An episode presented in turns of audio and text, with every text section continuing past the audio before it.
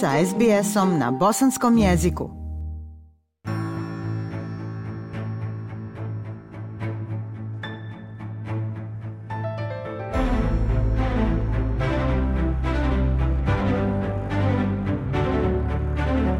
Slušate program SBS radija na bosanskom jeziku. Kako je stiglo ljeto u Australiji, poruke o sigurnosti, izlaganja suncu i zdravlju kože ponovo su se aktualizirale – vodeći institut za rak, melanoma institut Australija i gigant društvenih mreža TikTok kažu da će ukloniti sve videozapise koji promovišu sunčanje jer raste strah od nezdravih i potencijalno smrtonosnih posljedica sunčanja za mlade Australce.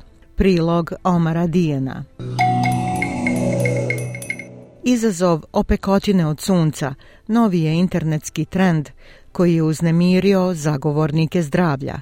Uključuje ljude koji objavljuju videozapise na društvenoj platformi TikTok gdje se korisnici hvale opekotinama od sunca, a popularnost je porasla među mladim Australcima.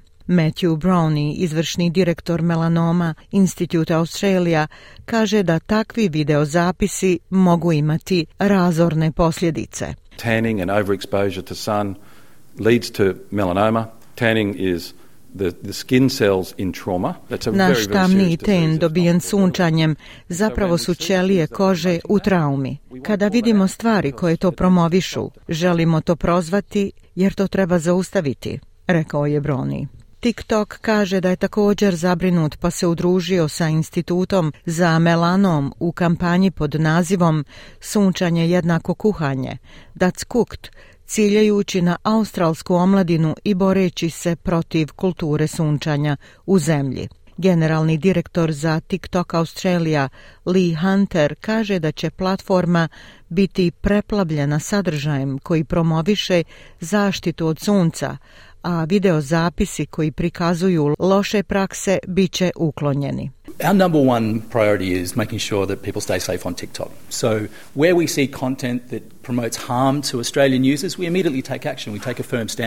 Naš prioritet broj jedan je pobrinuti se da ljudi ostanu sigurni na TikToku. Dakle, kada vidimo sadržaj koji promoviše štetu australskim korisnicima, odmah preduzimamo mjere. Zauzimamo čvrst stav oko toga, ali više od toga želimo promovisati ispravna ponašanja.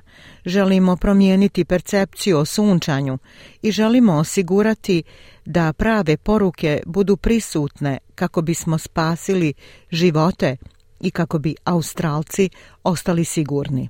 Australija ima najveću stopu melanoma u svijetu.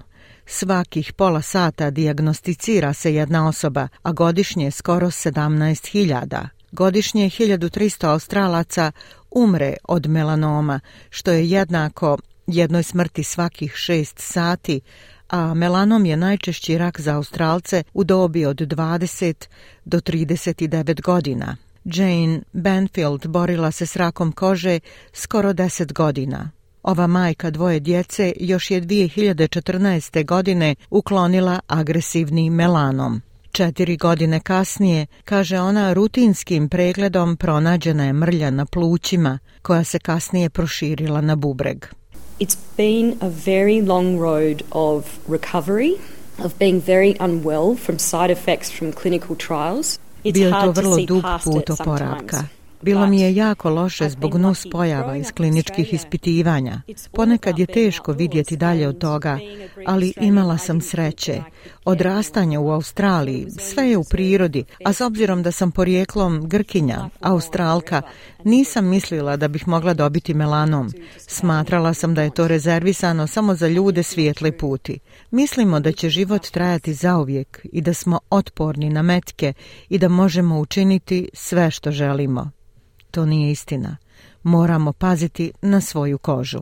Ona pozdravlja kampanju Dac Cooked i kaže da je od ključne važnosti za mlade Australce da promijene svoje stavove prema zaštiti od sunca. It's very difficult as a parent. It can almost be impossible to get through to some kids about it, especially when young people see other young people to je vrlo teško kao roditelju. Može biti gotovo nemoguće doprijeti do djece. Pogotovo kad mladi vide druge mlade ljude kako se sunčaju. Vjerujte mi da je previše izlaganja suncu i dobivanje melanoma najgora opcija.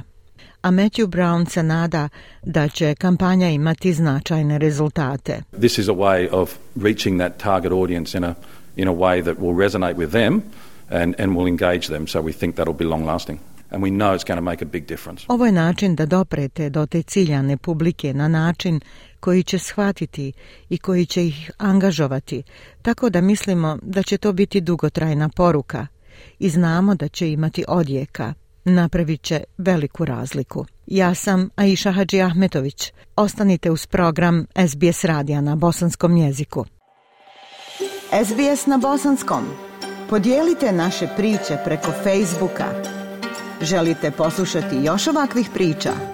Slušajte preko Apple podcasta, Google podcasta, Spotify ili kako god da primate svoje podcastove.